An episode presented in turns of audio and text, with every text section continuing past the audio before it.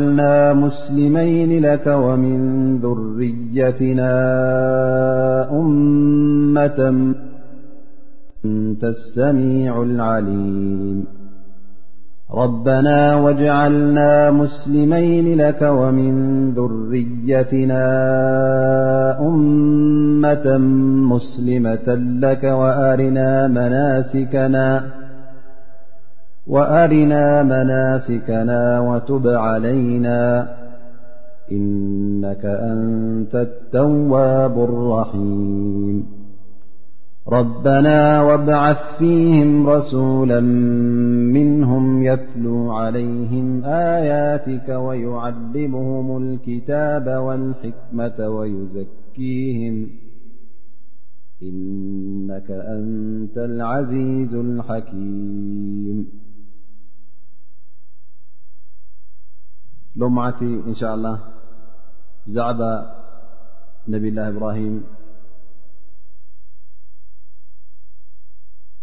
ቤይትላ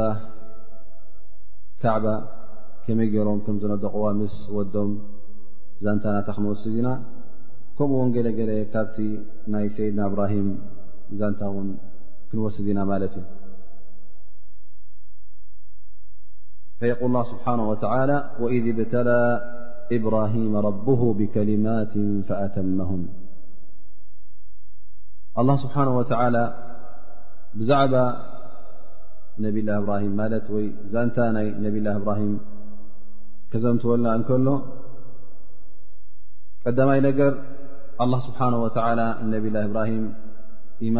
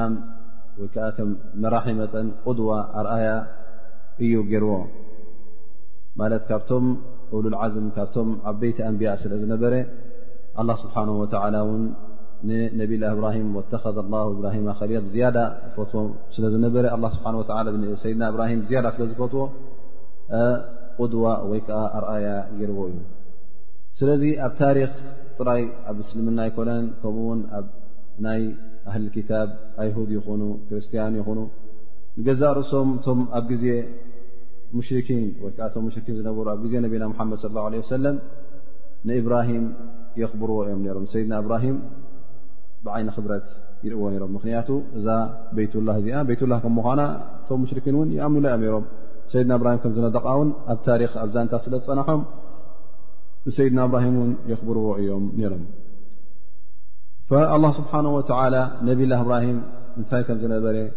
እንታይ ከም ዝበለ ከመይ ገይሩ ነዛ ካዕባ ከም ዝነጠቀ ታይ ዓይነት ኢማን ነርዎ ከመይ ገይሩ ይኣምን ነይሩ እዚ ጉዳይ እዚ ይገልፅ ኣሎ ማለት እዩ ምክንያቱ እንተ እስኹም ኣንቱም ሙሽርኪን ኣንቱም ኣህል ክታብ ኣንቱም ኣይሁዳውያን ኣንቱም ክርስትያን በዚ ነቢ እዚ ተኣምኑ እተ ኮይንኩም ንዕኡ ተኸተሉ እዩ ዝብል ዘሎ ማለት እዩ ኣ ስብሓ ወላ ላ ስብሓን ወላ ሓንቲ ካብቲ ናይ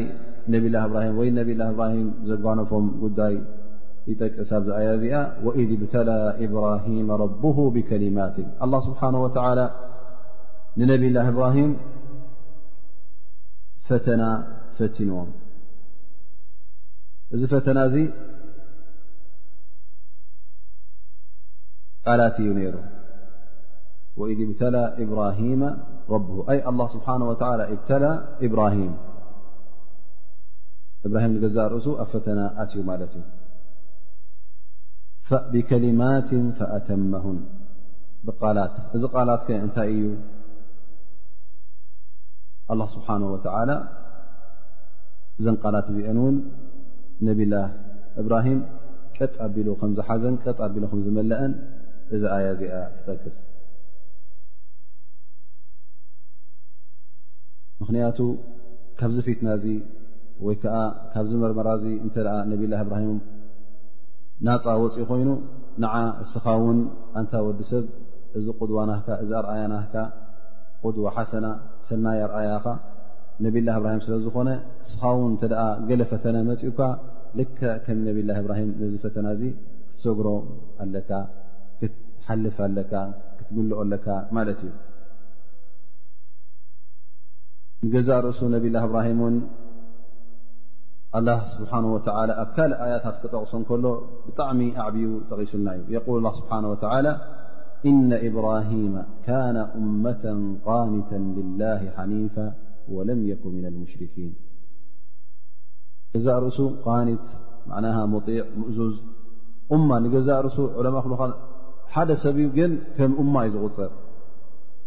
ምኽንያቱ እቲ ሒዝዎ ዝነበረ መርገፅ ናይ እማ መርገፅ እዩ እቲ ሒዝዎ ዝነበረ ኢማን ናይ እማ ኢማን እዩ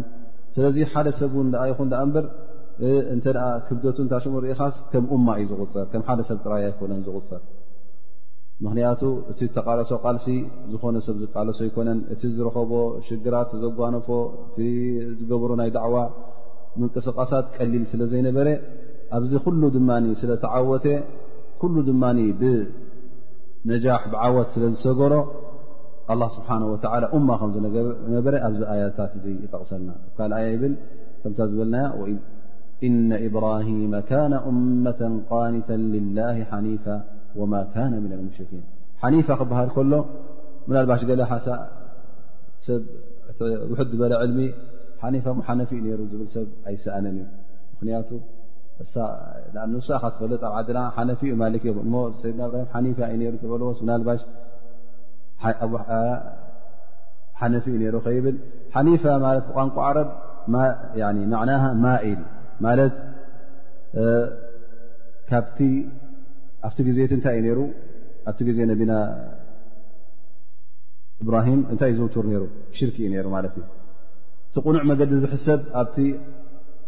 ርእትኦም እንታይ እዩ ነይሩ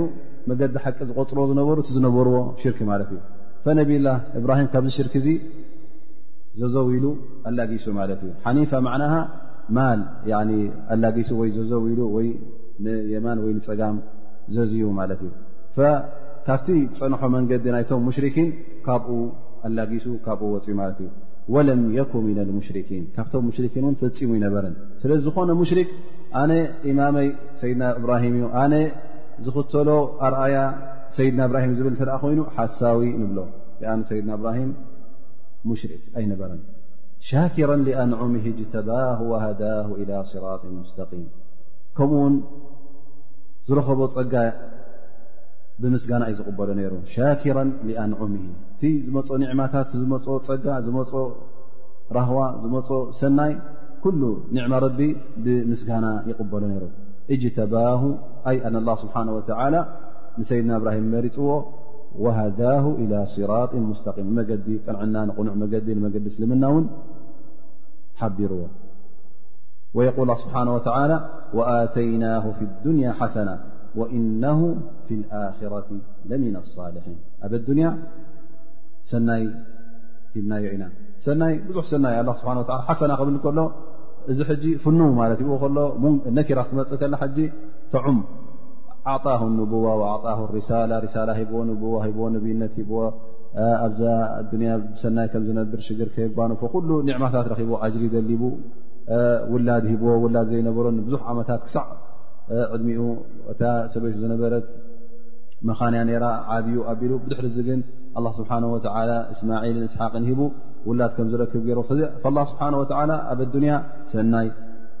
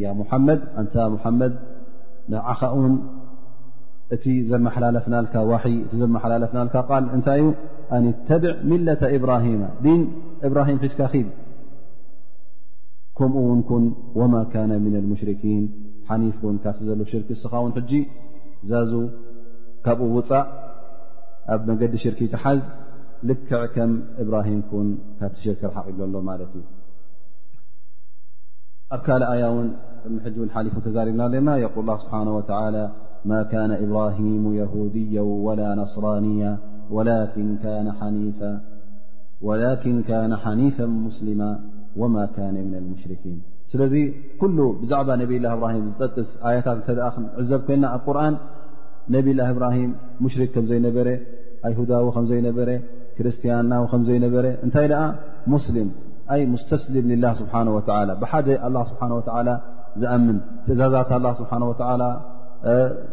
ኣብ ግብሪ ዘውዕል እዩ ነይሩ ስለዚ ኩሉ እቲ ንትናኡ ንኣላ ስብሓን ወተዓላ ኣስተስሊሙ ማለት ኢዱ ሂቡ እዩ ነይሩ ኢትካ ሂብካ ክትበሃል ከለኻ እንታይ ማለት እዩ እስትስላም ማለት እቲ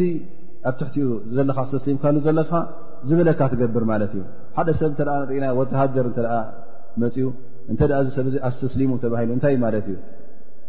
በቃ ኣብ ትሕቲኡ ኮይኑ ንስኻ ሕጂ እቲ እተስተስለመሉ ዘለኻ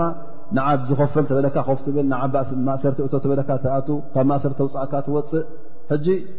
ትምእዘዝ ኣለኻ ማለት እዩ ፈሊክ እስኻ ውን ልክዕ ኣላ ስብሓን ወተላ ድር ንዑ ኣስተስሊመ ትብል ኮንካ ንዑ ኢደይ ሂበ ትብል እተኣ ኮንካ ከም ነብላ እብራሂም ከም ሰይድና ሙሓመድ ኩሉ ኣላ ስብሓን ወተላ ዝኣዘዘካ ኣብ ግብሪ ከተውዕል ኣላ ስብሓን ወተላ እዚኣ ግበር ኢሉካ እሺ ኢልካ ትገብር እምቢ ከይብልካ እዚ ኣይትግበር ተባሂልካ ሕራ ኢልካ ካብ ትቁጠብ ካብ ትኽልከል እዚ እዩ ነብላ እብራሂም ከምዚ እዮም ነሮም ነብላ እብራሂም ስለዚ እሶም ውን ናና ኣርኣያ ጥራይ ንዓና ይኮ ንነቢና ሓመድ ለ ላه ለ ሰለም ንገዛእ ርእሱ ኣ ስብሓ ወላ ኣውሓይና ኢለይከ ኣንተብዕ ሚለተ እብራሂማ እዚ ኣርኣያ ናካዮ ናቱ መገዲ ተኸተል ኢሉ ንነቢና ሓመድ ለ ንገዛእ ርእሱ ነቢና ሓመድ ካብቶም ኣንብያ ንገዛ ርሱ ኣፍضል ኣንብያ እዩ ነቢና ሙሓመድ ግን እታ መንገዲ ሓንቲ እያ ቅድሚኡ ነብላ እብራሂም ስለ ዝመፀ እታ መገዲ ድማ መገዲ ነብላ እብራሂምን መገዲ ነቢና ሓመድን ስ ሰለም ሓንቲ ስለ ዝኾነት ስለዚ ካብኣ ውን ክወፅእ ኣይክእልን ነቢና ሙሓመድ ምክንያቱ እሳያት ሓንቲ መንገዲ ናብ ሓደ ኣላ ስብሓን ወላ ተብፅሓካ ፍቶት ኣላ ስብሓን ወላ ትረክበላ እሳ ስለ ዝኾነት ካብኣ ውን ክትወፅእ ይብልካ ስለዚ ኣይኮነን ዶ ንሕና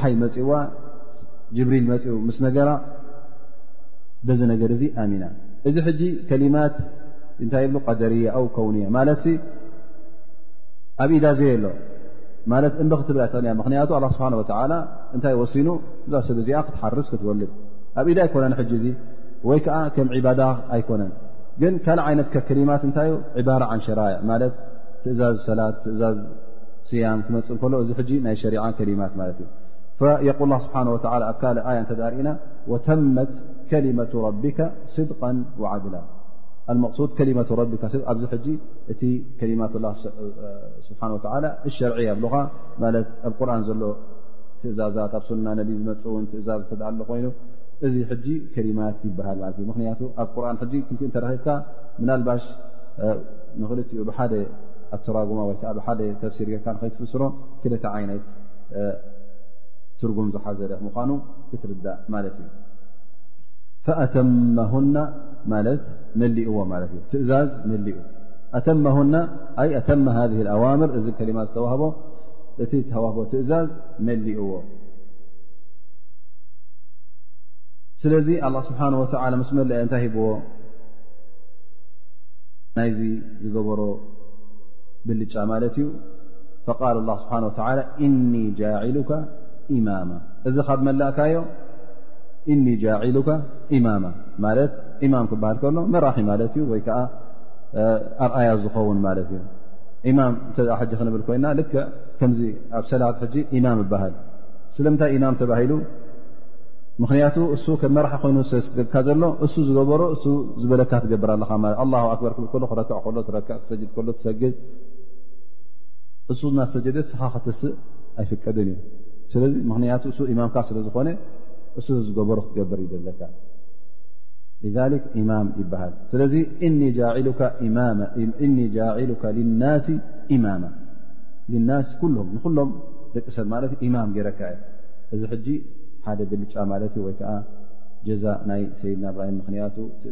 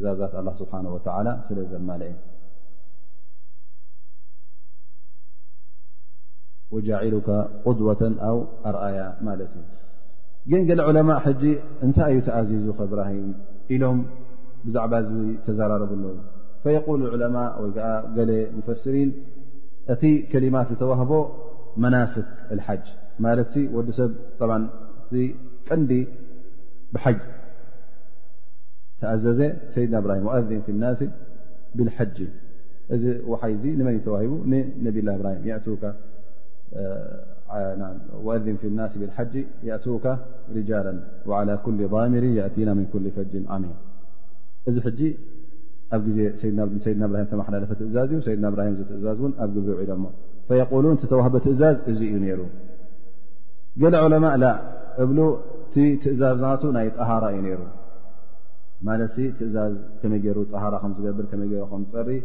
እቲ ፊጥራ ተባሂሉ ፅዋ ኣብ ዲና እስልምና ዘሎ ከም በዓል ቐስ ሻርብ ይኹን እስትንጃ ምግባር ከምዚ ነትፈል ኢበጥ ማለት ሽትሽካ ምልፃይ ወይ ከዓ ምምንጫጭ እዚ ዝኣማሰለ ከምዚ ዓይነት ፅርት ናይ ጠሃራ እዩ ተዋሂቡ ነይሩ ይብሉ ካልኦት ዕለማ ግን ይብሉ እሱ ጥራይ ኣይኮነን ግን ናይ ሰይድና እብራሂም ብዙሕ ዩ ነይሩ ትእዛዛት እቲ ዘማልኦ ትእዛዛት መጀመርያ ኣላ ስብሓን ወተላ እቲ ዘለኸዎ እቲ ህብረተሰብካ ዘለዎ ሽርክ ወይ ከዓ እቲ ህብረተሰብካ ሒዞሞ ዘለዉ ዲን ንዕኡ ገዲፍካ መገዲ ሓቂ ተኸተል ምስ በሎ ሕራይሉ ነቶም ህብረተሰቡ ካብኦም ተፈልዩ ከምኡ እውን ብድሕሪኡ ኣብ ቅድሚ ንጉስ ወይ ከዓ ኣብቲ መምሩድ ዝበሃል ንጉስ ዝነበረ መፅኡ ኣነ እየ ጎይታኹም ንዓይ ስገዱለይ ዝብል ዝነበረ ናብኡ መፅኡ ድማ ኣላ እቲ ዝኸልቕን ዘምውትን ከም ምዃኑ ምስኡ ክዛረብ ዝጀመረ ሙሓጃ ዝገበረ ማለት ክትዕ ዝገበረ እዚ ትእዛዝ እዚ ኣላ ስብሓን ወላ ክካትዖ ስለ ዝኣዘዞ እተኻትዖ እዩ ይብሉ ከምኡ እውን ኣብ ርእሲኡ ኣብቲ ሓዊ ክድርብዎ ከለዉ ከይፈረሀ ኣብ ሓዊ እናተደርበየ ብኣላ ስብሓን ወላ ኣሚኑ ኣብዚ ፈተና እዚ ሓሊፉ ብድሕሪኡ እውን ካብቲ ዘለኻዮ መሬት ናብ ካልእ ተሰደድ ወይ ከዓ ናብ ካልእ ፍለስ ወይ ከዓ ህጅራ ግብር ተባሂሉ ህጅራ ገይሩ ሕራይሉ ንኣላ ስብሓን ወተዓላ ተማእዚዙ ብድሕሪኡ እውን መላእካ መፂኦም ሞብ ገዝኡ ነዞም መላእካ እዚኦም እውን ብፅቡቕ ኣቀባብላ ኣጋይሽ ገይሩ ተቐቢልዎም ከም ዝኣመሰለ ብርእሲኡ እውን ወዱ እስማዒል ምስ ዓበዮ እውን ዓብዪ እብትላ ወይ ከዓ ዓብ ፈተነ ተፈትኑ እዩ እሱ ድማ ወዱ ክሓርድ ኣላ ስብሓን ወተዓላ ኣዚዝዎ ነይሩ እዚ ኩሉ ትእዛዛት እዚ ነብላ እብራሂም ተመሓላሊፉ ነብላ እብራሂም ድማ ኣብ ኩሉ ተዋህቦ ትእዛዛት እዚ ኩሉ ትእዛዛት ኣብኡ ብዘይ ገለ ሽግር ብዘይ ገለ ትንዕ ኣብ ኩሉ ሓሊፉ ስለዚ እቲ ከሊማ ዝተባህለ እዚ እዩ ኢሎም ብሓፈሽኡ ንኩሉ ዘማልእ ከም ምኳኑ ይጠቕሱ ማለት እዩ ስለዚ እዚ ኣያ እዚኣ ኣላ ስብሓን ወላ ኣይወሰነን ብከሊማት ስለ ዝበለና ማለት እቲ ቀንዲ ክንፈልጦ ዘለና ኣላ ስብሓን ወላ ናብ ነብላ እብራሂም ትእዛዛት ኣመሓላሊፉ ነይሩ እዚ ግበር እዚ ትግበር ኢሉ ብዙሕ ዓይነት እውን ፈተነታት ገይሩ ነይሩ ኣብዚ ፈተነታት እዚ ድማ ኩሉ ከምተዓወተ ከም ዝሓለፈ ክንኣምን ኣለና ማለት እዩ እዚ ይኹን እቲ ይኹን ንዓና ኣይገድስን እዩ ግን እቲ ቀንዲ ነገር እቲ ትእዛዛት ናይ ኣላ ስብሓን ወላ በቢ ዓይነቱ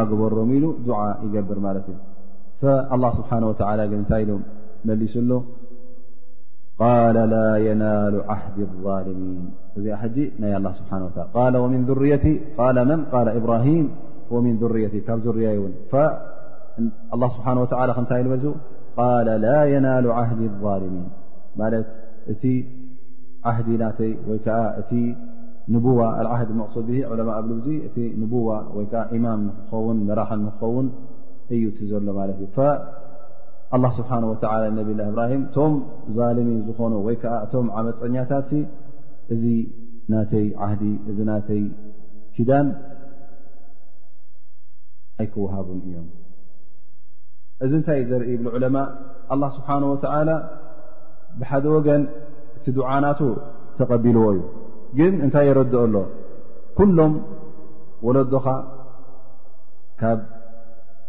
እቲ ትሓቶ ዘለኻ ኣይክኾኑ እዮም ግን ከምቲ ኣብ ካልእ ኣያታት ዝመፀ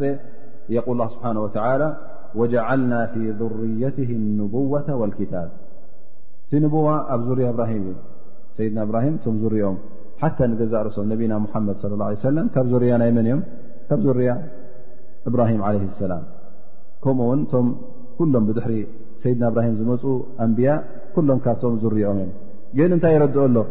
ዙርያኻ ጥራይ እዚኦም ኣይኮኑን እዎ ካብኦም ክገብርና ግን ኣለዉ ድማ ካብ ዙርያኻ ዛሊሚን ዝኾኑ ዓመፀኛታት ዝኾኑ ነብሶም ዝወፅዑ መገዲ ሓቂ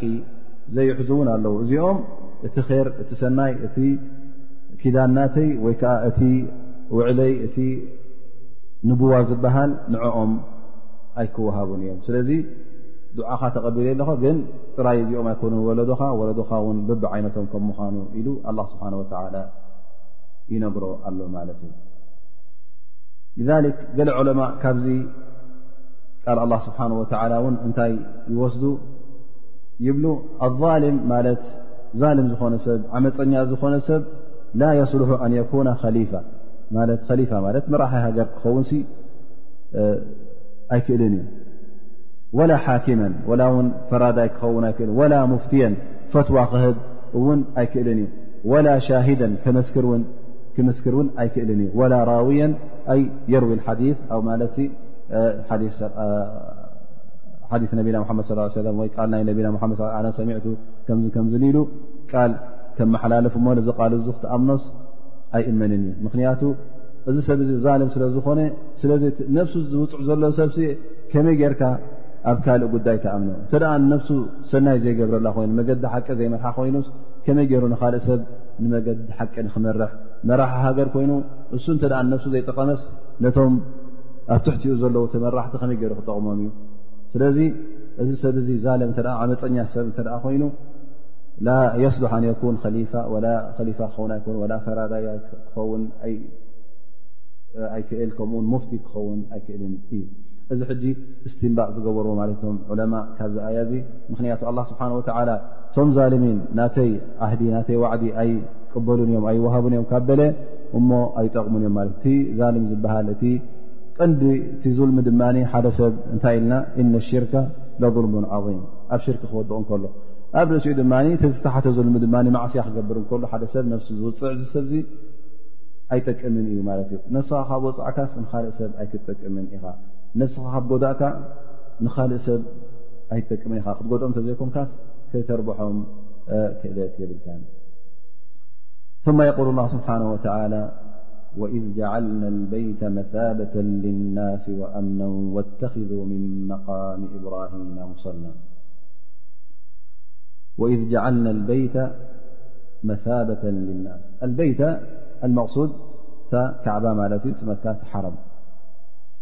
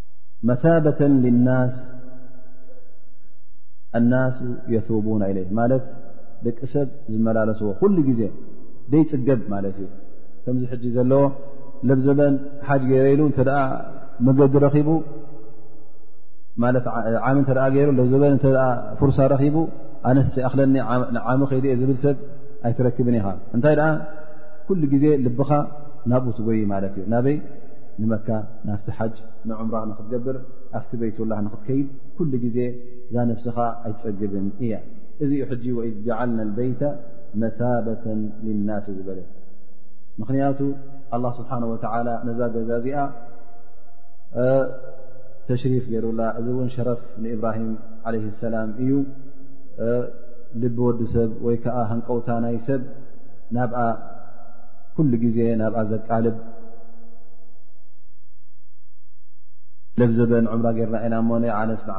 ንዓመታ ይትረፈና ወይከዓ ዓሚ ቅድሚ ዓሚ ገርና ኢና ሞ ለብዘበን ይትረፈና ኢልካ ዘይተርፍ እንተ ናይ ብሓቂ እምነት ናይ ብሓቂ እስላማይ ኮይኑ ነዛ ቦታ እዚኣ ኩሉ ግዜ ንክከዳ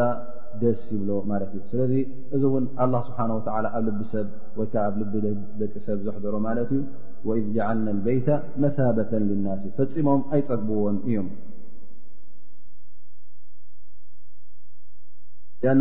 ሰይድና እብራሂም ለ ሰላም ን ዱዓ ክገብሩ ከለዉ እንታይ ኢሎም ፈጅዓል ኣፍኢደ ምና ናሲ ተህዊ ኢለይህም ልቢ ናይ ደቂ ሰብ ናብኡ ኩሉ ግዜ ትዝንብል ድኣ ግበራ ኢኻ እዛ ቤትላ ኢሉ ዱዓ ስለ ዝገበረ ኣላ ስብሓን ወላ እውን ድኦም ዱዓ ሰይድና እብራሂም ተቐቢልዎ እዩ ክብሪ ድማ እዚ ናይ ተቀቡል ድዓ ድማ ክብሪ ናይ ሰይድና እብራሂም ስለ ዝኾነ ኣላ ስብሓን ወተላ ንሰይድና እብራሂም ኣኽቢሩ ነታ ዓዲ እውን ክብረት ገይሩላ መሳበተ ልናስ ወኣምና ከምኡ ውን እዛ ቦታ እዚኣ ኣማን እያ ኣማን ማለት ድማ ዘይፍራሃ ቦታ ዘይትፈርህ ፈርሂ ዘይቀርባ ምክንያቱ ኣብቲ ግዜ ብሕልፊ ኣብ ግዜ ሙሽርኪ እተ ርእና እቲ ሰብ ገና ብኣላ ዘይኣምን ኣብ ሽርክ ከሎ ግን እቶም ንኣህሊ መካ ፈፂሞም ፀላኣ ክቀርቦ ኣይክእል ነይሩ እዚኦም ኣብ ቤትላ ስለ ዘለዉ ንኦም እተ ተዋጊና ም እተ ከምዚ ገርናስ ገለ ክረክበና እዩ ዝብል እምነት ስለ ዝነበሮም መብዝሕቱ ኪናት ኣበይ ይካየድ ነይሩ ማለት እዩ ኣብቲ ወሰናስን ናይ መካ ይካየድ ነይሩ ማለት እዩ ፈቀደኡ ኣብ ሙሉእ ጀዚራ ዓረብ ኪናት ክካየድ ከሎ ኣብ መካ ኪናት ኮይና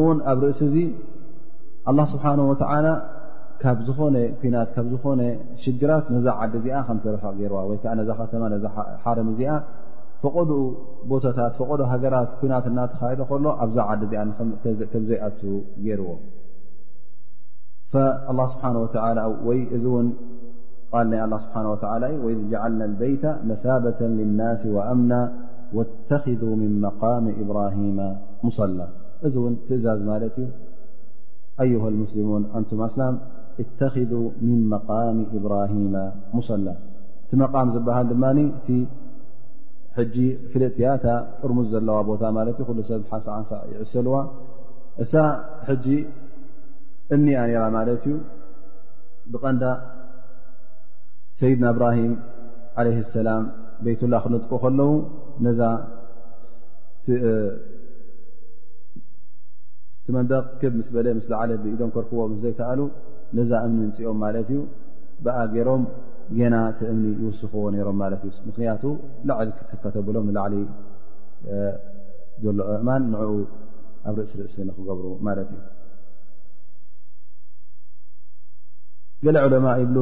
ፊ ርዋያ ን ኣብ ሓትም ሓደ ግዜ ነቢና ሙሓመድ ለ ላ ለ ሰለም ሰይድና ዑመር ጠዋፍና ገበሩ እንከለዉ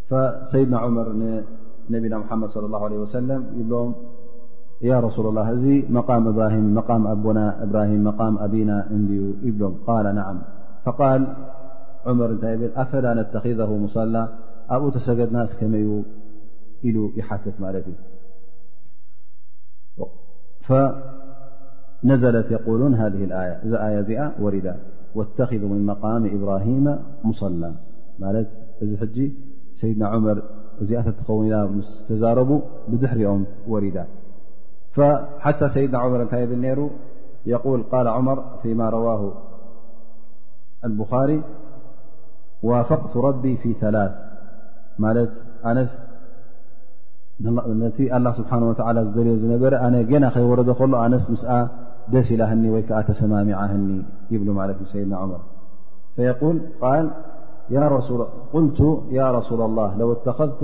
لو اتخذت من مقام إبراهيم مصلى فنزلت واتخذوا من مقام إبراهيم مصلى لن ك ل مس بددح يا ورد سلس ب الله سبحانه وتلى نور يت ن ي ورد ل ن إلي نبل سيدنا عمر وقلت يا رسول الله يدخل عليك البر والفاجر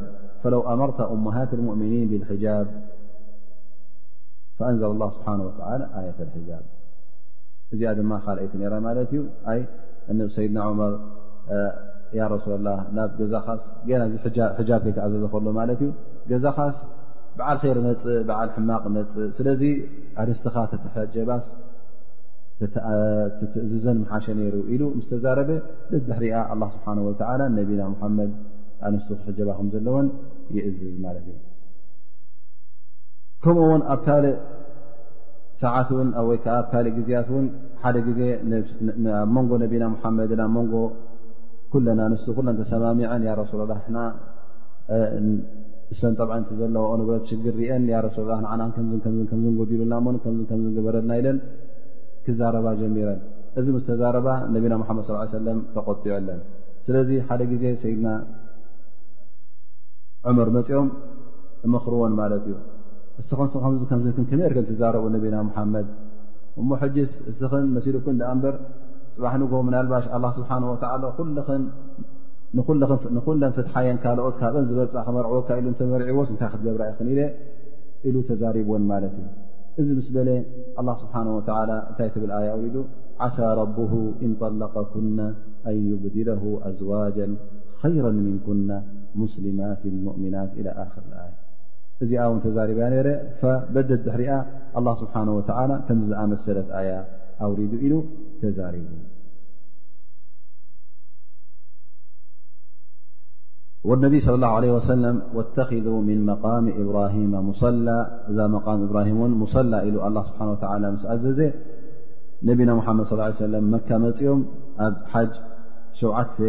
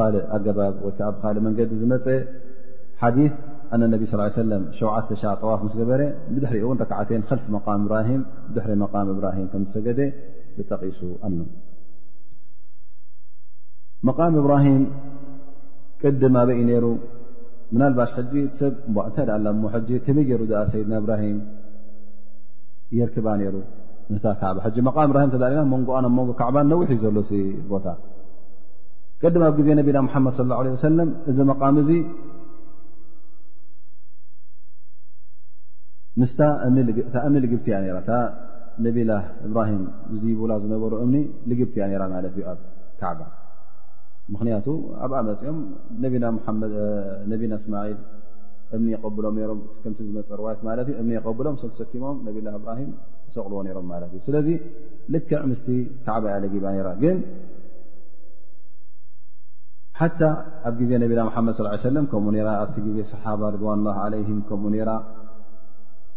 እቲ ኣሰር ናይ ነብላ እብራሂም እውን ክሳዕ ኣብ ግዜ ነቢና ሓመድ ስ ሰለ ኣብ ግዜ ቶም ሰሓባ ነይሩ ግን ብምኽንያት ይብሉ ገለ ቶም ሰሓባ ከም ዝፀንሐ ሰብ እናደረዘ እናደረዘ ዳርጋቲ ኣሰር ናተ ክጠፍእ ጀሚሩ ነይሩ ይብሉ ኣብ ግዜ ሰይድና ዑመር ብንከጣብ ግን እንታይ ይሪኦም ማለት እዩ ኣብቲ ጠዋፍ ኣብቲ ገለ ስለ ተፃብበሎም እንታይ ኢሎም ቁሩብ ተርሓቕና ኢሎም ምክንያቱ ሰብ ኣብኡ ክሰግድ እናደለየ ጠዋፍ እናገበረ ሰብ ከሎ ሕጂ ከማ ኣብ ዘለናይ ግዜ እተ ርእና ጠዋፍ እናገበርካ ከለካ ብ ክሰጉዱ ከሎ ብዙሕ የሸግሩካ ማለት እዩ ሕጂ እቲ ብዝሒ ሰብ እዩ ሽግር ኣምፅኦ ማለት እዩ ኣብታ ጥቓ ካዕባ ስለ ዝነበረት ኣብኣ ድማ ሰብ ክሰግድ መቃም እብራሂም ስለ ዝኾነት ጠዋፍ ገብሩ ከለዉ ሕጂ ብዙሕ ተሸግሮም ጀሚራ ማለት እዩ ሰይድና ዑመር ብከጣብ ረض ላه ን ቁሩብ እንተርሓቕናዮ ኢሎም ኣርሕቆሞ ማለት እዩ ሕጂ እቲ ቦታ ነቶም ጠዋፍ ዝገብሩ ጥራይ ኮይኑ ትክሰግድ ዝመፅእ ድሕርታ መቓም ይኸውን ማለት እዩ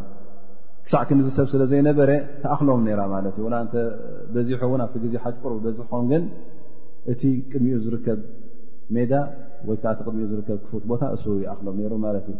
እዚ ክገብሩ ከሎ ድማ ሰይድና ዑመር ስለምንታይ ጌርካዮ ዝበሎ ሰብ ኣይተረኸበን ምኽንያቱ እቲ መስልሓ ስለ ዝረኣየ ከምኡ ውን ነቢና ሙሓመድ صለ ላه ለ ወሰለም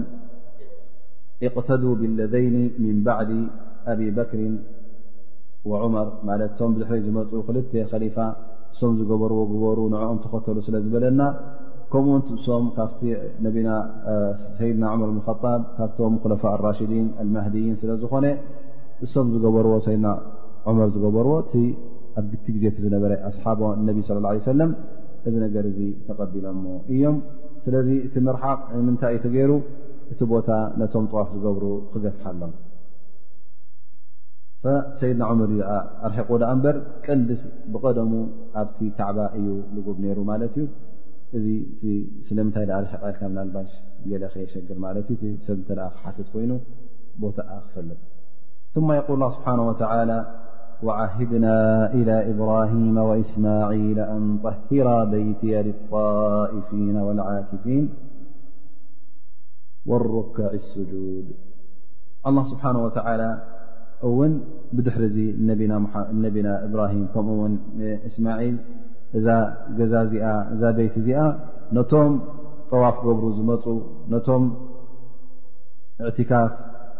ጠዋፍ ገብር ዝመፀ ንግዜኡ ማለት መፅኡ ብደገ መፅኡ ጠዋፍ ገይሩ ዝኸይድ ማለት እዩ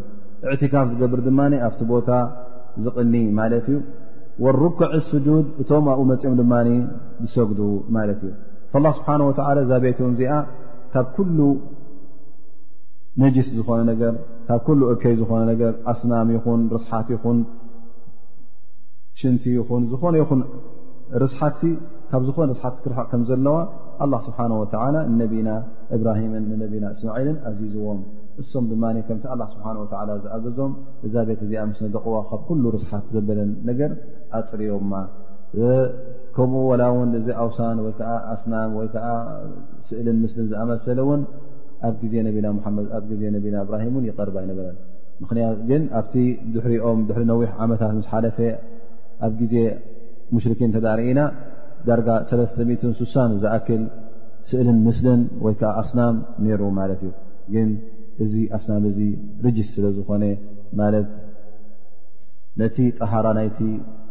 ቤት ላ ስብሓ ወላ ንኣላ ስብሓ ወላ ጥራይ ክትግዝኣሉን ንዑ ክተምልኸሉን ዝግብኣካ ቦታ በዚ እከይ በዚ ጌጋ ዝኾነ ተግባራት ነዚ እምንን ምስልን ከተምልኽ ከለኻ ኣርስሕካዮ ማለት ስለ ዝኾነ በዚ ተግባር እዚ ኣብ ግዜ እቶም ቁሬሽ ቅድሚ ነቢና ሙሓመድ ስ ላ ሰለም ዝነበረ ወለዶ ነዚ ቤት እዚ ኣርሲሖሞ ነይሮም ግን ኣብ ግዜ ነብላ እብራሂም ከምቲ ዝኣዘዞም ኣፅሪኦሞ እዮም ነይሮም ዕለማ ድማ የብሉ እቲ እዚ ትእዛዝ ነብላ እብራሂም ተዋህበ እውን ካብኡ እታይ ንጥቀም እንታይ ንወስድ ፋይዳ ክንወስድ እተኣ ኮይኑ ዝኾነ ቤትላ ዝበሃል መስጊድ እንተኣ ኮይኑውን ክፀሪ ከም ዘለዎ ክጣህር ከም ዘለዎ ርስሓት ክድርበዮ ከም ዘይብሉ ርስሓት እናርኣኻ ውን ስቕልካ ክትሪዮ ከም ዘይብልካ ምኽንያቱ እዚ በዚ ኣያ እዚ ንወስዶ ኢና ከምኡ ውን ኣብ ካልእ ኣብቲ ስና ነብ ሙሓመድ ስ ሰለ ተዳርእና እውን ኢነማ ቡንየት መሳጅዱ ልማ ቡንየት ላ ዕባደት ላ ስለ ዝበለ ካብ ኩሉ ካብ ዕባዳ ወፃኢ ዘበለ ተግባራት ኣብ መስጊድ ክትገብሮ የብልካ ኩሉ ርስሓት ዘበለ እውን ካብ መስጊድ ከተውፅኦ ኣለካ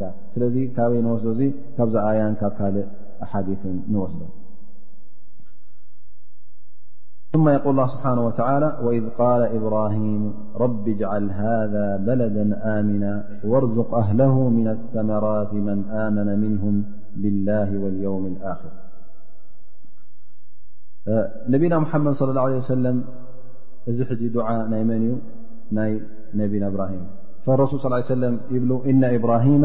ሓረማ ቤይት ላ ኣመና ዱዓ ገይሩ በዚ ዱዓ እዚ ቤይትላ ኣማን ንክኸውን ኣብኡ ድማ ሓረም ንክኸውን ማለት ዝወደቐ ከይተልዕል ዝህደን እንስሳ እንተሎ ከይትሃድን ከምዝኣመሰለ ንከይትገብር ሑርማ ገይሩሉ እዩ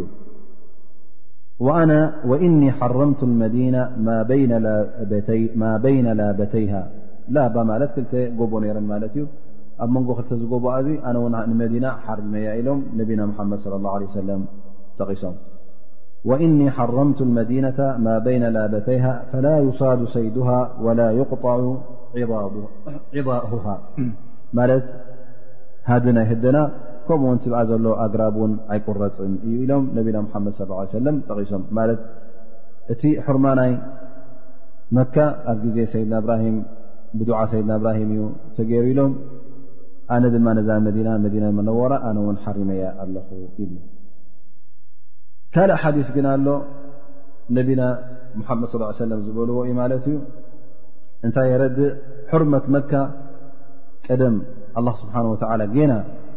ኣብ ዮውመ ኸለቀ ሰማዋት ወልኣርድ ከም ዝሓረማ ኣላ ስብሓን ወተዓላ እውን ጠቒሶም ነይሮም ማለት እዩ ሰይድና ሙሓመድ ኣብ ዮም ልፈትሕ ማለት ኣብ ፈትሒ መካ ነቢና ሙሓመድ ስለ ላ ለ ሰለም ኹጥባ ክቡ ከለዉ እንታይ ኢሎም እነ ሃذ ልበለደ ሓረመሁ ላህ የውመ ኸለቀ ሰማዋት ወልኣርድ ኣላ ስብሓን ወተዓላ ነዚ ዓዲ እዚ ነዚ ሃገር እዚኣ ሰማይ ምድርን ዝኸለቀላ መዓልቲ ሸዓኣ ዝሓረማ እዩ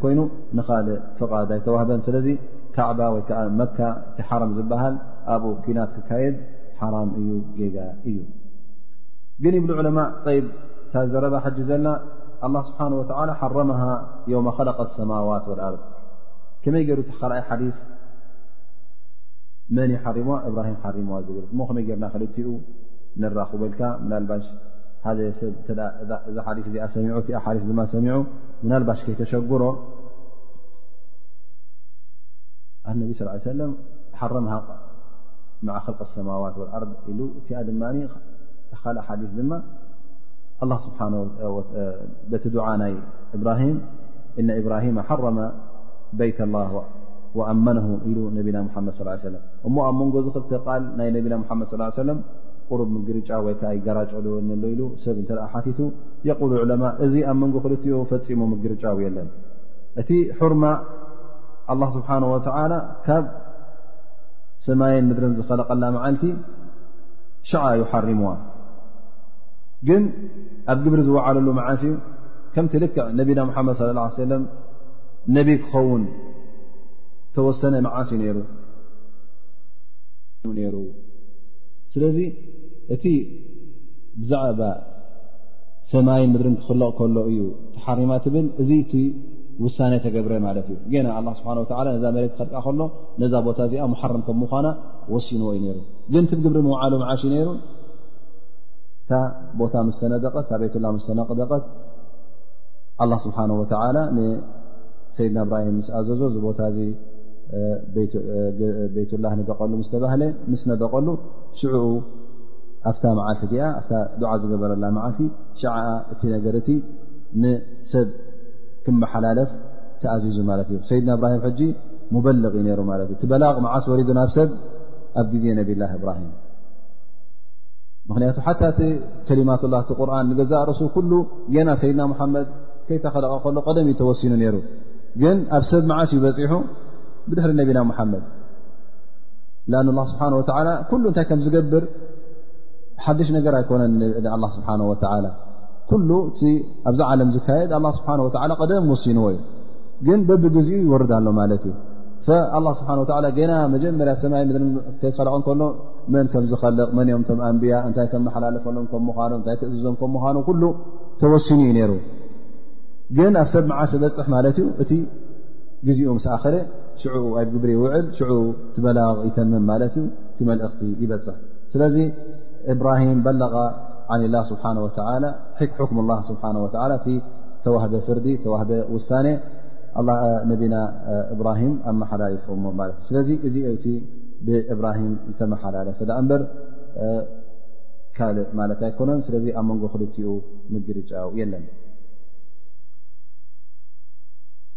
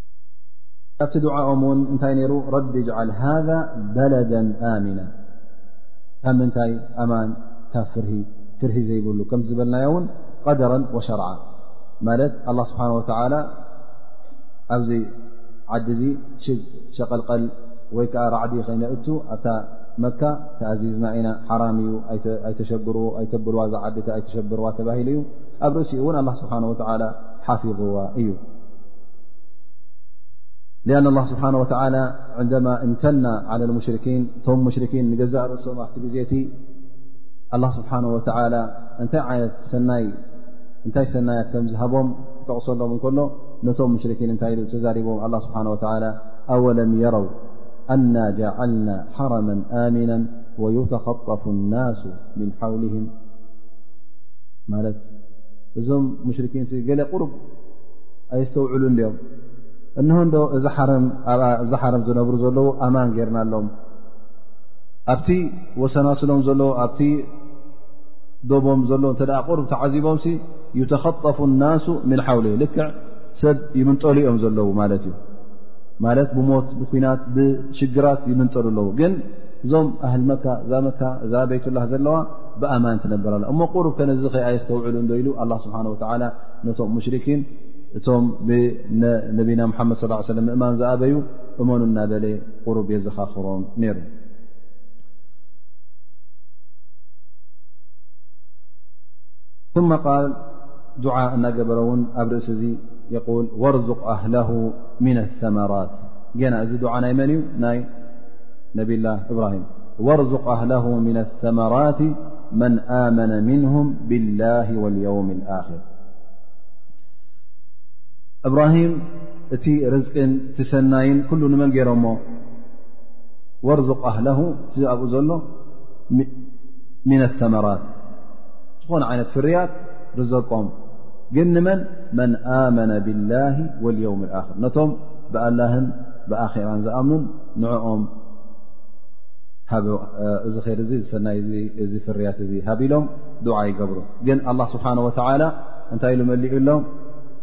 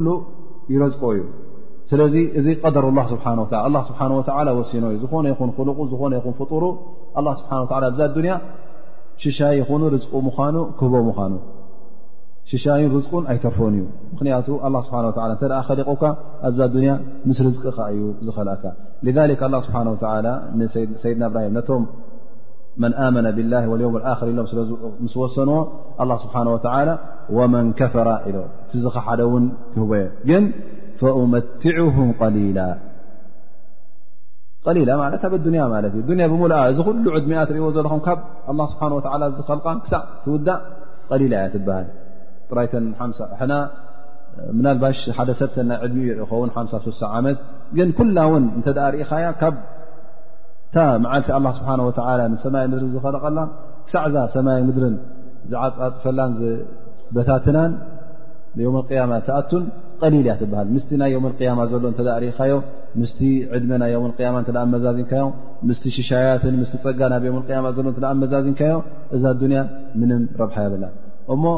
ሓደ ሰብሲ ንገዛእ ርእሱ እውን ክንደይ ክነብር ኣብዚ ኩሉ ቀሊል ተባህለ እዚ ኩሉ እስኻ እታ ሽሻይ ትረክበላ እዋን ዓመታት ክንደ እያ ሓምሳ ዓመት ሱሳ ዓመት እዚ እተ ማእከላይ ማለት እዩ እንተ ነውሓኸ ት ክልተ ወላ ከም ሰይድና ኣደምን ከም በዓል ሰይድና ኖሕ እንተኾነ ዕድሜኻ 950 እውን ይኹን እዛ ዓለም ክንደይ ኣለዋ ድሕሪኦም ሕጂ ክንደይ ፀኒሓ ኣላ ክንደይ ሽሻያት ተኸፊቱ ኣሎ ክንደይ ርዝቂ ተኸፊቱ ኣሎ እሞ እስኻስ በዓል 20 ዓመት በዓል ሓ ዓመት እንታይ ክትወስ ዘላ ኢኻ ኣላ ስብሓን ወላ እቶም ካሓቲ ክቦም እንተ ኮይኑ ሽሻይን ርዝቅን ኣብዛ ዱንያ ጥራይ ክቦም እሰን እውን ቀሊላ ውሑዳት እየን ተባሂለን ዘለዋ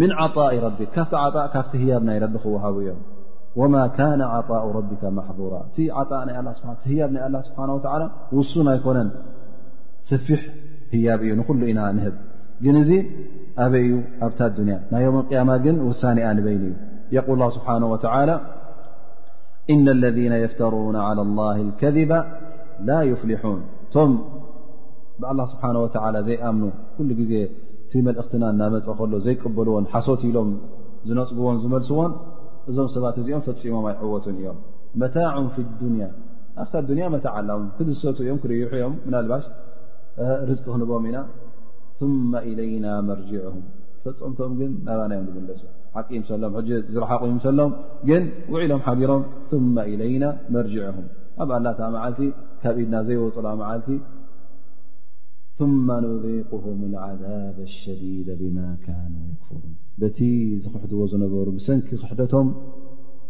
ኣብቲ ስቃይ ኣብቲ ዓብ ስቃይ ኣብቲ ኣዝዩ ብርቱዕ ዝኾነ ስቃይ ኣብኡ ክነእትዎም ኢና ኣብዚ ስቃይ እዚ ስቃይ እውን ክጥዕምዎን ከስተማቅርዎን እዮም ከምኡ ውን ኣላ ስብሓን ወተላ ኣብ ካልእ ኣያ እንታይ ይበር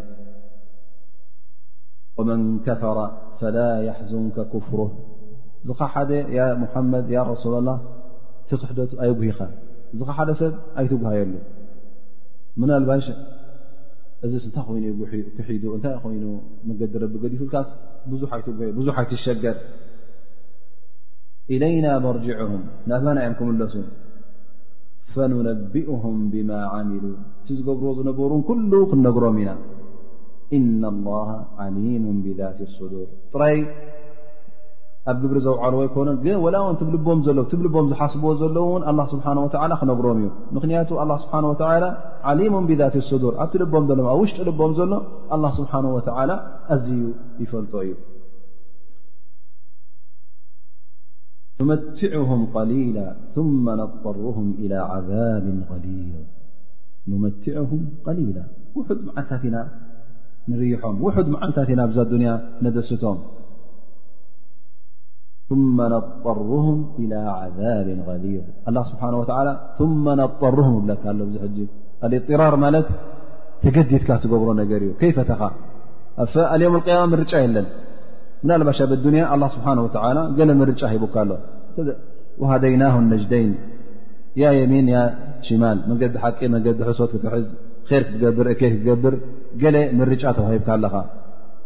መስጊድ ክትከይድ ወላ ቤተ ክርስትያን ትኸይድ ወላ እንዳ መስተ ክትከይድ ምርጫ ኣለካ ማለት እዩ ኣላ ስብሓን ወተዓላ ኣእምሮ ሂቡካ ምረፅ ኢሉካ ኣሎ ኣብ ዮም ኣልቅያማ ላኪን እጥራር ዎ ግዴታ እዩ ምርጫ ዝበሃል የለን ምኽንያቱ በዓል ኼር ትኾንካ እታ መገዲ ር ክትከይድ ኢኻ በዓል እከይ ትኾንካ ድማ እታ መገዲ እከይ ክትከይድ ኢኻ ثመ ነጠርሁም ኢላ ዓዛብ غሪብ ከይፈተዋ ንዓዛብ ኣብቲ ገዚፍ ዓዛብ ኣብቲ ኣዝዩ ገዚፍ ዝኾነ ስቓይ ኣብኡ ኢና ብግዴታ ተገዲድኖም ብፍንጭኦም ዝኣትዎ ማለት እዩ። እዚ ሕጂ ثመ ነضጠርም ኢላ ዓዛብ ኸሊ እታ እዱንያ ዝኾነ ይኹን ሃብቲ ረኸብ ድኣ እምበር ዝኾነ ይኹን ደስታ ዝኾነ ይኹን ራህዋ ረኸበላ ድኣ እምበር ዓብ ራህዋ ረኺበ ዓብ ደስታ ረኺበ ዓብ ሽሻይ ኣለኒ ፈፂሙ ዘይውዳእ ሽሻይ ኣለኒ ኢልካስ ኣይትሕሰብ። እዚ ምናልባሽ እውን ኣብቶም ክሓቲ ኣብቶም ኩፋር ገለገለ ሰናይ ነገራት እንትርኢ ተለኻ ውን እዚ ምስቲ ዮም ቅያማ ዝፅበዮም ዘሎ ስቓይ ወላ ሓንቲ ኣይኮነን ማለት እዩ ውሑድ እዩ ወላ ሓንቲ ኣይቁፅርን እዩ ስለዚ ኣይዐሽኻ እቲ ሶም ዝነብርዎ ዘለዉ ኣብዛ ኣዱንያ ራህዋ ከምቲ ነቢና ሙሓመድ ስ ሰለም ዝበሎ እውን ኣዱንያ ስጅኑ ሙእምን ወጀነቱ ልካፍር እታ ኣዱንያ ንሙእሚን ዳርጋ ቤት ማእሰርቲ እያ ምኽንያቱ እዚ ግበር እዚ ትግበር እዚ ግበር ኣዚ ትግበር ስለተባሃልካ ትእዛዛ ስለ ዘሎ ተቐይድ ከ ክስናማይ ኩሉ ግዜ መገዲ ሓቂ ሒዩ ዝኸይድ ተቐይድ እዩ ዝኸይድ ግን ካሓዲ እንታይ እዩ ኣብ ኣዱንያ እተ ኣላ ስብሓ ወላ ትእዛዝ ኣላ ስብሓ ወላ ዘይኣምን እተ ኮይኑ ቀይዲ በተኽ እዩ ዝኸይድ ከም ድላ እዩ ስለዚ ልክዕ ከምቲ ኣብ ጀና ሕጂ ቀይዲ የብልካ ኣብ ጀና ግን ኣስላማይ ቲ ሙእምን እንታይ ክኸውን እዩ ድላ እዩ ዝገብር ተፍዓል ማ ተሽእ ከም ድላይካ ትጠልብ ድላይካ ትሰቲ ድላይካ ትብልዕ ኣብ ድላይካ ትኸይድ ኣብኡ ሕጂ ትጀና ክውን ማለት እዩ እቲ ካፍር ግን ታጀንኡ ኣበያ ድላዩ ዝገብረላ ቦታ ኣበያ ኣብዛ ጨናዊት ዱንያ ኣብዛ ውሑዳት ደስታ ዝረኽበለን ዓመታት እሳያ ልክዕ ከም ጀና ዝንቀሳቀሰላ ግን ፅባሕ ንግሆ መዋእሉ ዘይውዳእ ዓመታት ዘይውዳእ መዋእል ንጀሃንም ዝድርበየላ እያ ማለት እዩ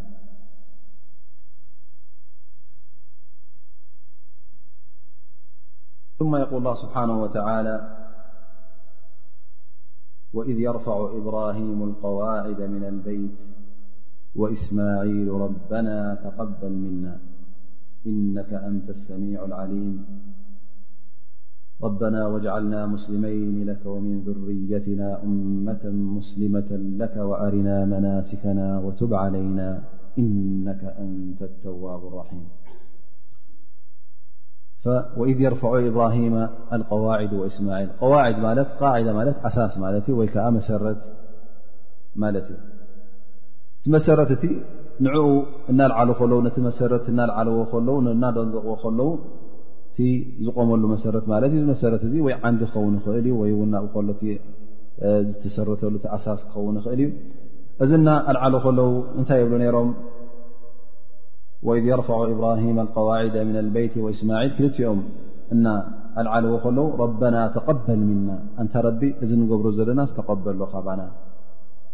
እዚ ሕጂ እዚ ኩሉ ሰናይ ግብሪ እናገበሩ ከለዉ እዚ ኩሉ ጭንቂ እዚ ኩሉ እማን እናተሰከሙ ከለዉ ዱዓ ገብሩ ነይሮም ማለት እዩ ሱቕ ኢሎም ገብሩ ይነበሩ እንታይ ደኣ ኣላ ስብሓን ወተዓላ ንክቕበለሎም ዱዓ ይገብሩ ነይሮም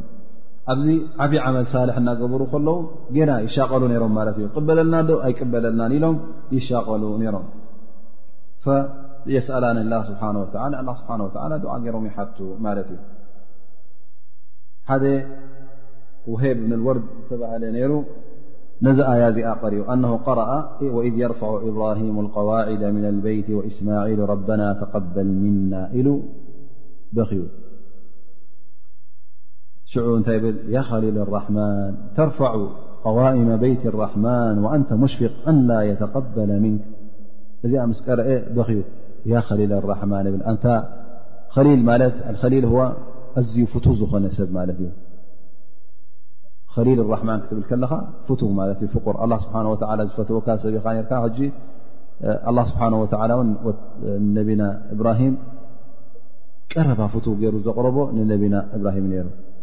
እንታይ ብል እዚ ሰብ እ ነዚኣ ኣያ እዚኣ ቀሪኡ ምስ በኸ ያ ከሊል ራሕማን ኣንታ ፍቱ ዝነበርካ ኣላ ስብሓ ወላ ዝፈትወካ ዝነበረ ሰብ ተርፋዑ ቀዋኢመ ቤት ራሕማን ቤትላ ቤት ራሕማን እና ነድቕካ ከለኻስ ረቢ ከይቀበለልካ ትፈርህ እሞ ንሕና ኣ እንታ ክንብል ኢና ኣንቲ መሰረት ዘይብልና ሓንቲ ሰናይ ንገብሮ ውሑድ እናኾነ ከሎ ኣላ ስብሓን ወላ ፍተወናን ፍጦናን ዘይፈለጥና ከለና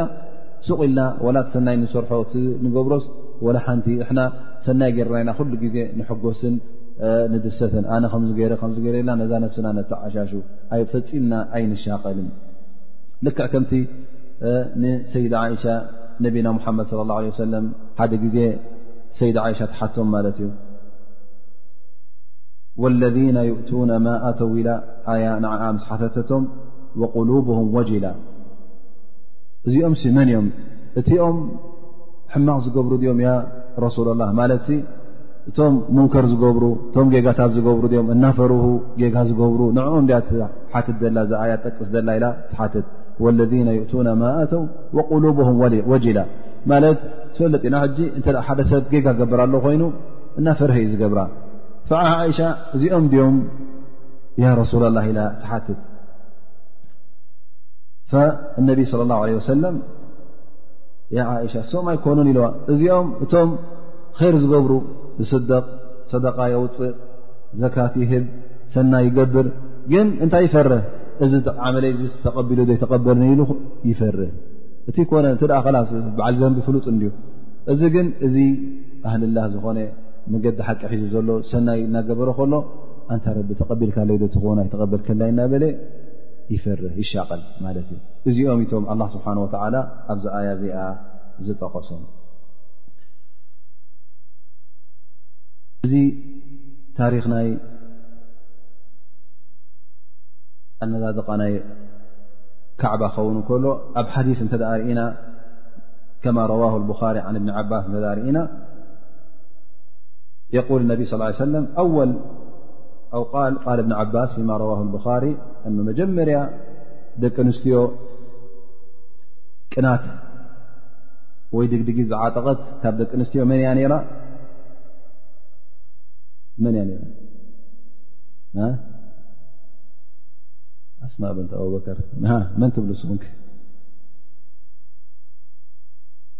ሸወያ ነሽጥኩም ሸወያ ክትንቀሳቀሱ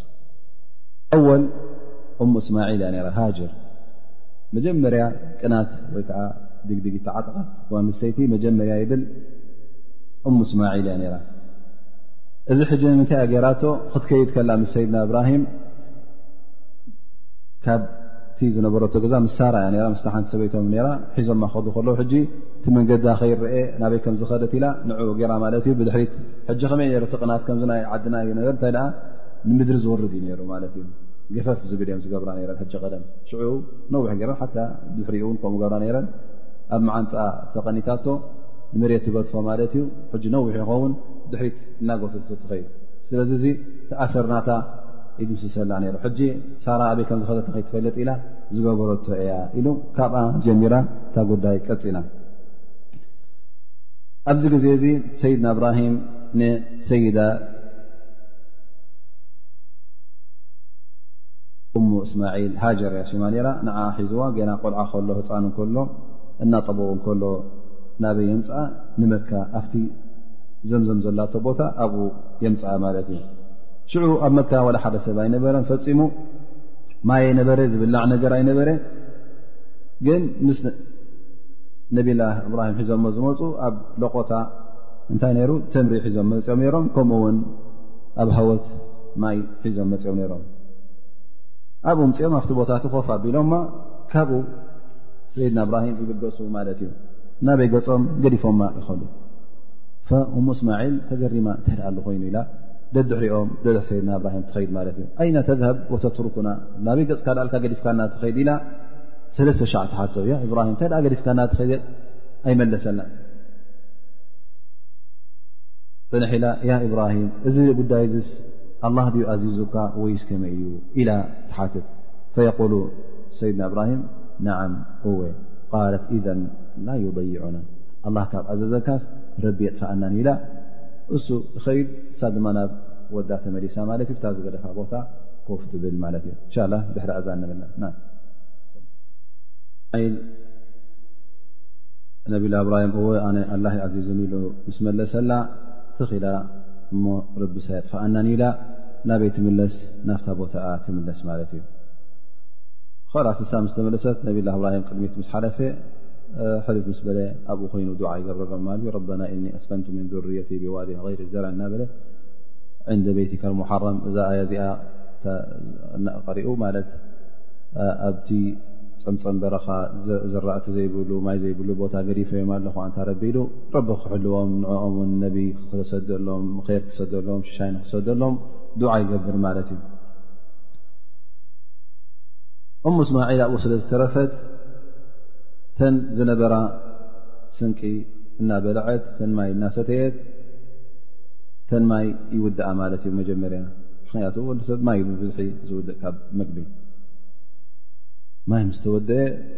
ህፃን ሒዛ ስለ ዝኾነ ፅምዒ ማይ ንዓኣን ንህፃናን ይኾኖም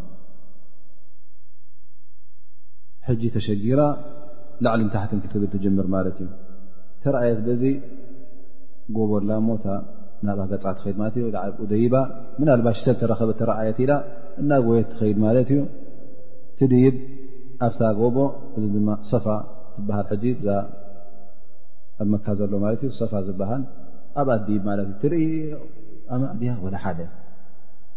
ካብኡ ወሪዳ እተርኣያ ተጓዓዝ ድማ ናበይ ገፃ ትኸይድ ናብ መርዋ ገፃ ከይዳ ኣብኣ ድማ መርዋ እእማን እዩ ነይሩ ጎቦ እዩ ነይሩ ማለት እዩ ኣብ ውዲ ድማ በቲ ካልእ ሸነኽ ትርኢ ምናልባሽ ሰብ ተረኣየት ገደ ኢላ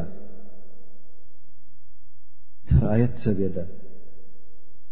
ወይኡ ዘይቀብፅ እንደገና ናበይ ትምለስ ሰፋ ገፃ ትምለስ ማለት እዩ በርድኡ ትኸይድ ትድይብ ካብቲ ናብቲ እናበለት ሸውዓተ ሻዕ ተመላሊሳ እዚኣ ሕጂ እታ ሱና ናይ ሰዓይ ዝፀንሐትና ከምቲ ነቢና ሓመድ ስ ሰለ ዝበሩ ከምዚ እብን ዓባስ ዘምፅኦ ፈሊذ ሰዓ ናሱ በይነሁማ እዛ ሱና እዚኣ ሕጂ ነታ ናታ ዝገበረታ ንዓኣ ዘትረፈታ ማለት እዩ ትኸይድ ኣብ ሸውዓተ ምስ በፅሐት ኣብ መንጎ ምስ በፅሐት ገለ ድምፂ ትሰምዕ ማለት እዩ ድምፂ ምስ መሰሰምዐት ሕጂ እንታይ ዳኣ ቢላ ፅንፅን ትብል ተረኣየት እቲ ቦታ መለክ መፅኡ ወይ ከምቲ ኣብቲ ሓዲስ ዝመፀ ወይ ብእግሩ ወይ ብክንፉ ነታ ቦታ ዘለዋ ቦታ ንዓ ክዕተሎም ምስ መፀት ተረኣየት ማይ ዝፀንሓ ማለት እዩ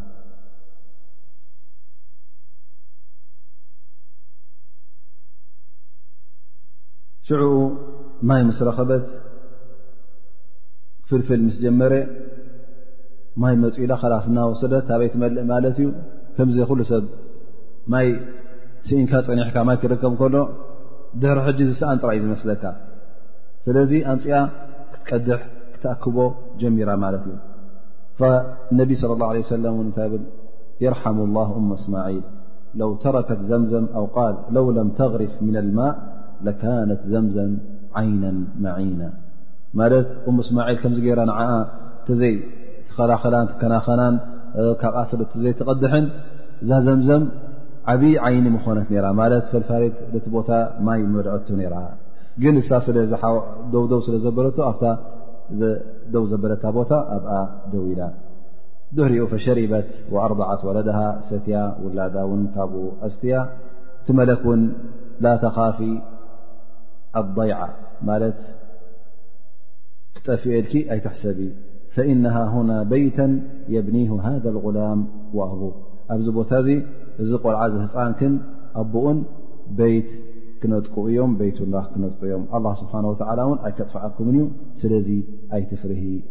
ኢሉ እቲ መዳይካ ይኸይድ ትመርሕ ማለት እዩ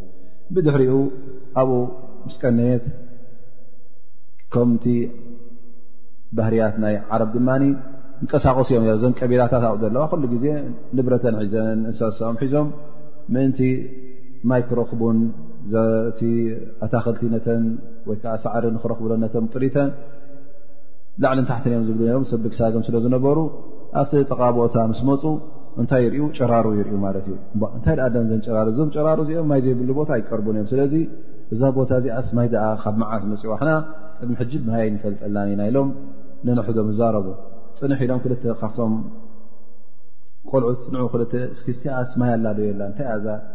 ጨራሩ ኢሎም ኪዱ ስክርኣይዋ ምስ በልዎም ኣብኦም ምስ ከዱ ማይ ይረኽቡ ማለት እዩ ማይ ምስ ዘረኽበ እቶም ቀቢላ ጆርሁም ዝበሃሉ እዮም ነይሮም ይመፁ ናብ ኡም እስማዒል ያ ኡም እስማዒል ዋ ማይ ካብ ሃለዉ እዚ ቦታ እሞ እስኺ ካበይ ንኸፍ ትብሊ ንሕና ተመፃእና ጥቓኹም ተነበርና ስከመይ እዩ ኢሎም ይሓትዋ ሕራይ ትብሎም ግን እዚ ማይ እዚ ናተ እዩ ናትኩም ኣይኮነን ተደኹም ከስተኩም ግን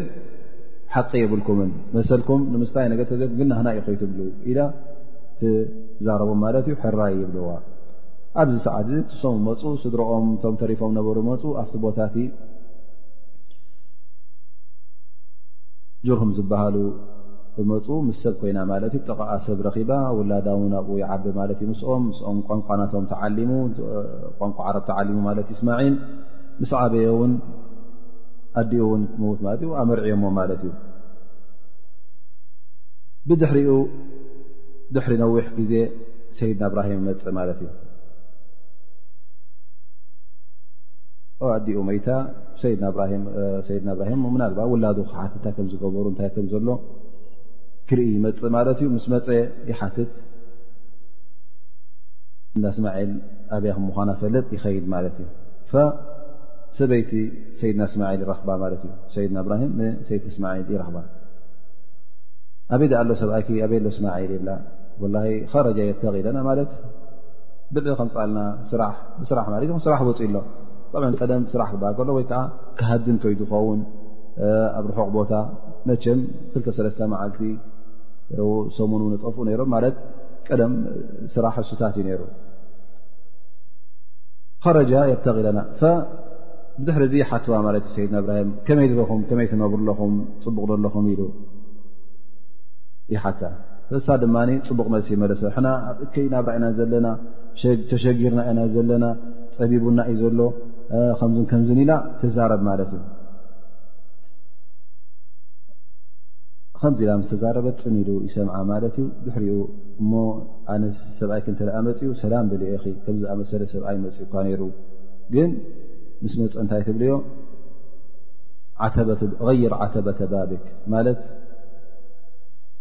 ዓተባ ክበሃል እንከሎ እንታይ እዩ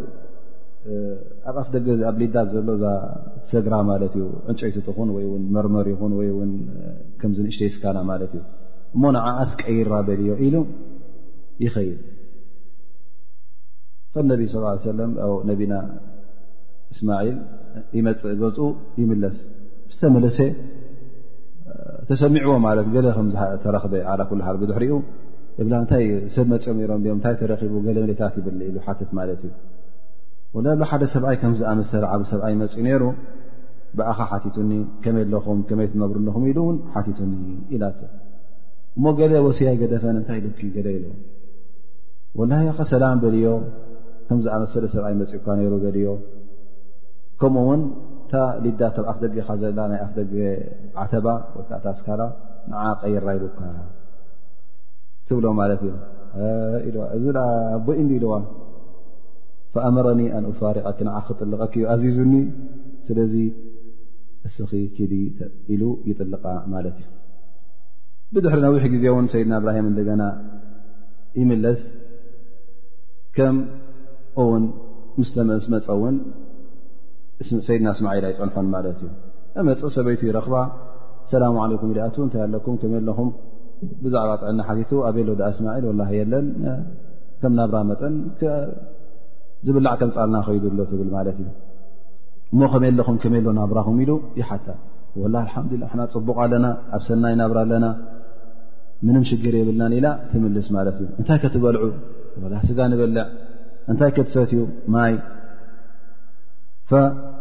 ኣብ ኣሰዓት እንታይ ይብል ኣላሁማ ባሪክ ላሁም ፊ ላሓሚ ወልማ እዚኣ ድዓ ይገብር ማለት እዩ ኣላሁማ ባሪክ ላሁም ፊ ላሓሚ ወልማ ነቢ ስ ሰለም ሰይድና ሙሓመድ እንታይ ብል ኣብቲ ግዜ እቲ ሳጥረ እያ ነረን ማይን ስጋን እየን ነረን እኽሊ ነይሩ ተዝኸውን እውን ዱዓ ምገበረልኩም ነሩ ዓ ምገበረሎም ነይሩ ዓዲ እኽሊ እውን ምኾነ ሩ ዓዲ ዘርእእት ውን ምኾነ ነይሩ ብድዓ እብራሂም ግን እኽሊ ስለ ዘይነበረ እሊ ስለ ዘይበልዑ ኣብቲ ስጋን ኣብቲ ማይን ኮይኑ መካ ድማ ብስጋ ምናዳ ብ ሓጅ እጉሓፍ ዩ ስጋ ላ ስብሓ በረካ ናይ ስጋ ክሳዕ ሕጂ ኣሎ በዚሑ ከማን ንዕኦም ዘይኮነ ፀጊቦም እሶም ውን ን ፈቐዶ ዓድታት ይሰድዎ ኣሎ ማለት ዩ ኣብቲ ግዜ ሓጅ ክኸውን ከሎ ማሻ ላ መካ ብስጋ እያ ትጨኑ ፈኢዛ ጃء ዘውጅኪ ሰብኣይክ እንተ መፅኡ ሰላም በልዮ ከምኡ ውን ተቢት ዓበተበተባቢት በልዮ ኣፍ ደጌኻ ኣ ደገ ርዳትካ ዘላ ዓተባት ኣስካላስ ቀጥ ኣቢልካ ኣ ንዓኣ ሓዚኻ በልዮ ወይከዓ ንዓኣ ሰብታ ኢኻ በልዮ ይብላ ድሕሪኡ ምስ ተመልሰ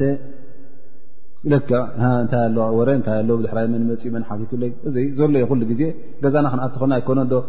ጠፊእካ ቀኒኻ ክሰለስተ መዓልትስ ወላ ካብ ስራሕ መፅእካ መን ቴሌፎን ገይሩ መን ሓቲቱለይ ትብል ኢኻ ስለዚ ሓትት ማለት እዩ መን መፅ ወላ ጃእና ሸይኹን ሓሰኑ ሃይኣ ሓደ ሰብኣይ መፅኡና ፅቡቕ ግርማ ዘለዎ ሰብኣይ ብኣኻ ሓቲቱኒ ከመይ ኣለኹም ኢሉ እታይ ኣለኹም ኣነ ውን ከምዚ ኢለዮ ከምዚ ኢሉኒ እሞ እንታይ ሉ እንታይ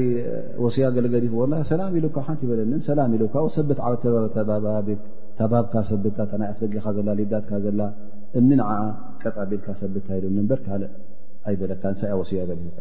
ፈኢልዋ እቲስ ኣቦዩ ነይሩ እሞ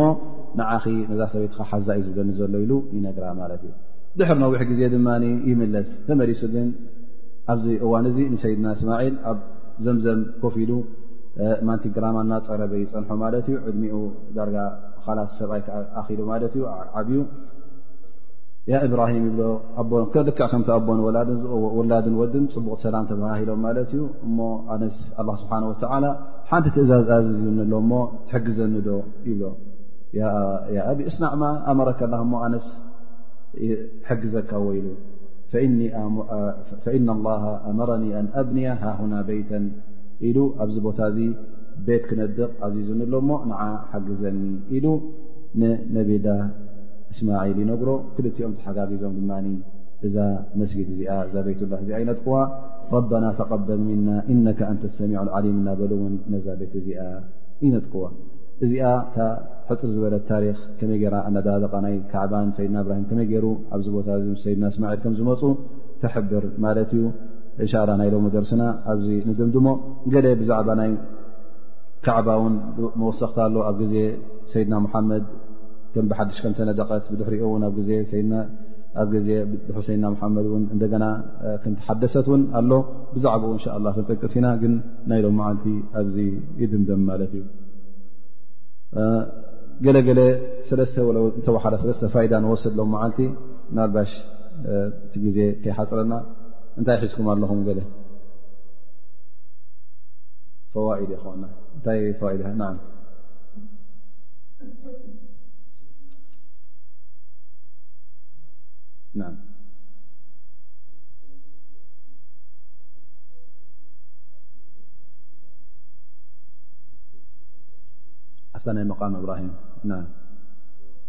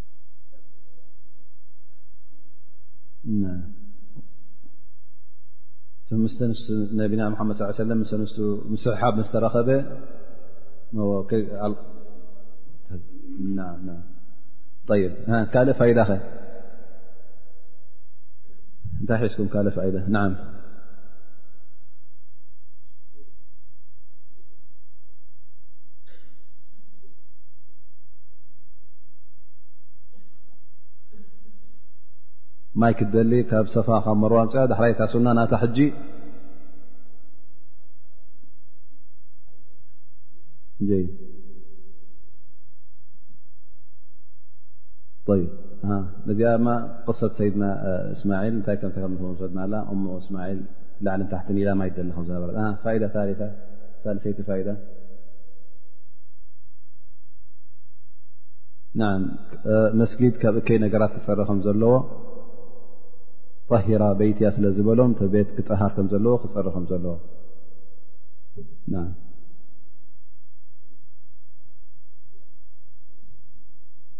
ኣላ ስብሓን ወተላ ኢብተላ ኢብራሂም ብከሊማት እሱውን ነዘን ፈተነ ዚአን መሊኡ ብዘይ ጌጋ ከም ዝመለአን ኣብኡን ከም ዝሓለፈ ዝፈተና ዚ ከም ዝሓለፈ ተረዲእና ኣለና እዚኣ እታ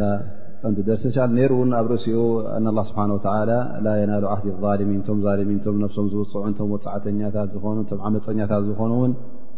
ኣላ ስብሓን ወተላ ር ከምዘይቦም ኣብ ኣዱንያ ይኹን ኣብ ኣራ ሰናይ ከምዘይብሎም ወላ እውን ካብ ዙርት ብሩኽ ሰብ ይኹኑ ካብ ዙርት ሰይድና እብራሂም ወላ እውን ይኹኑ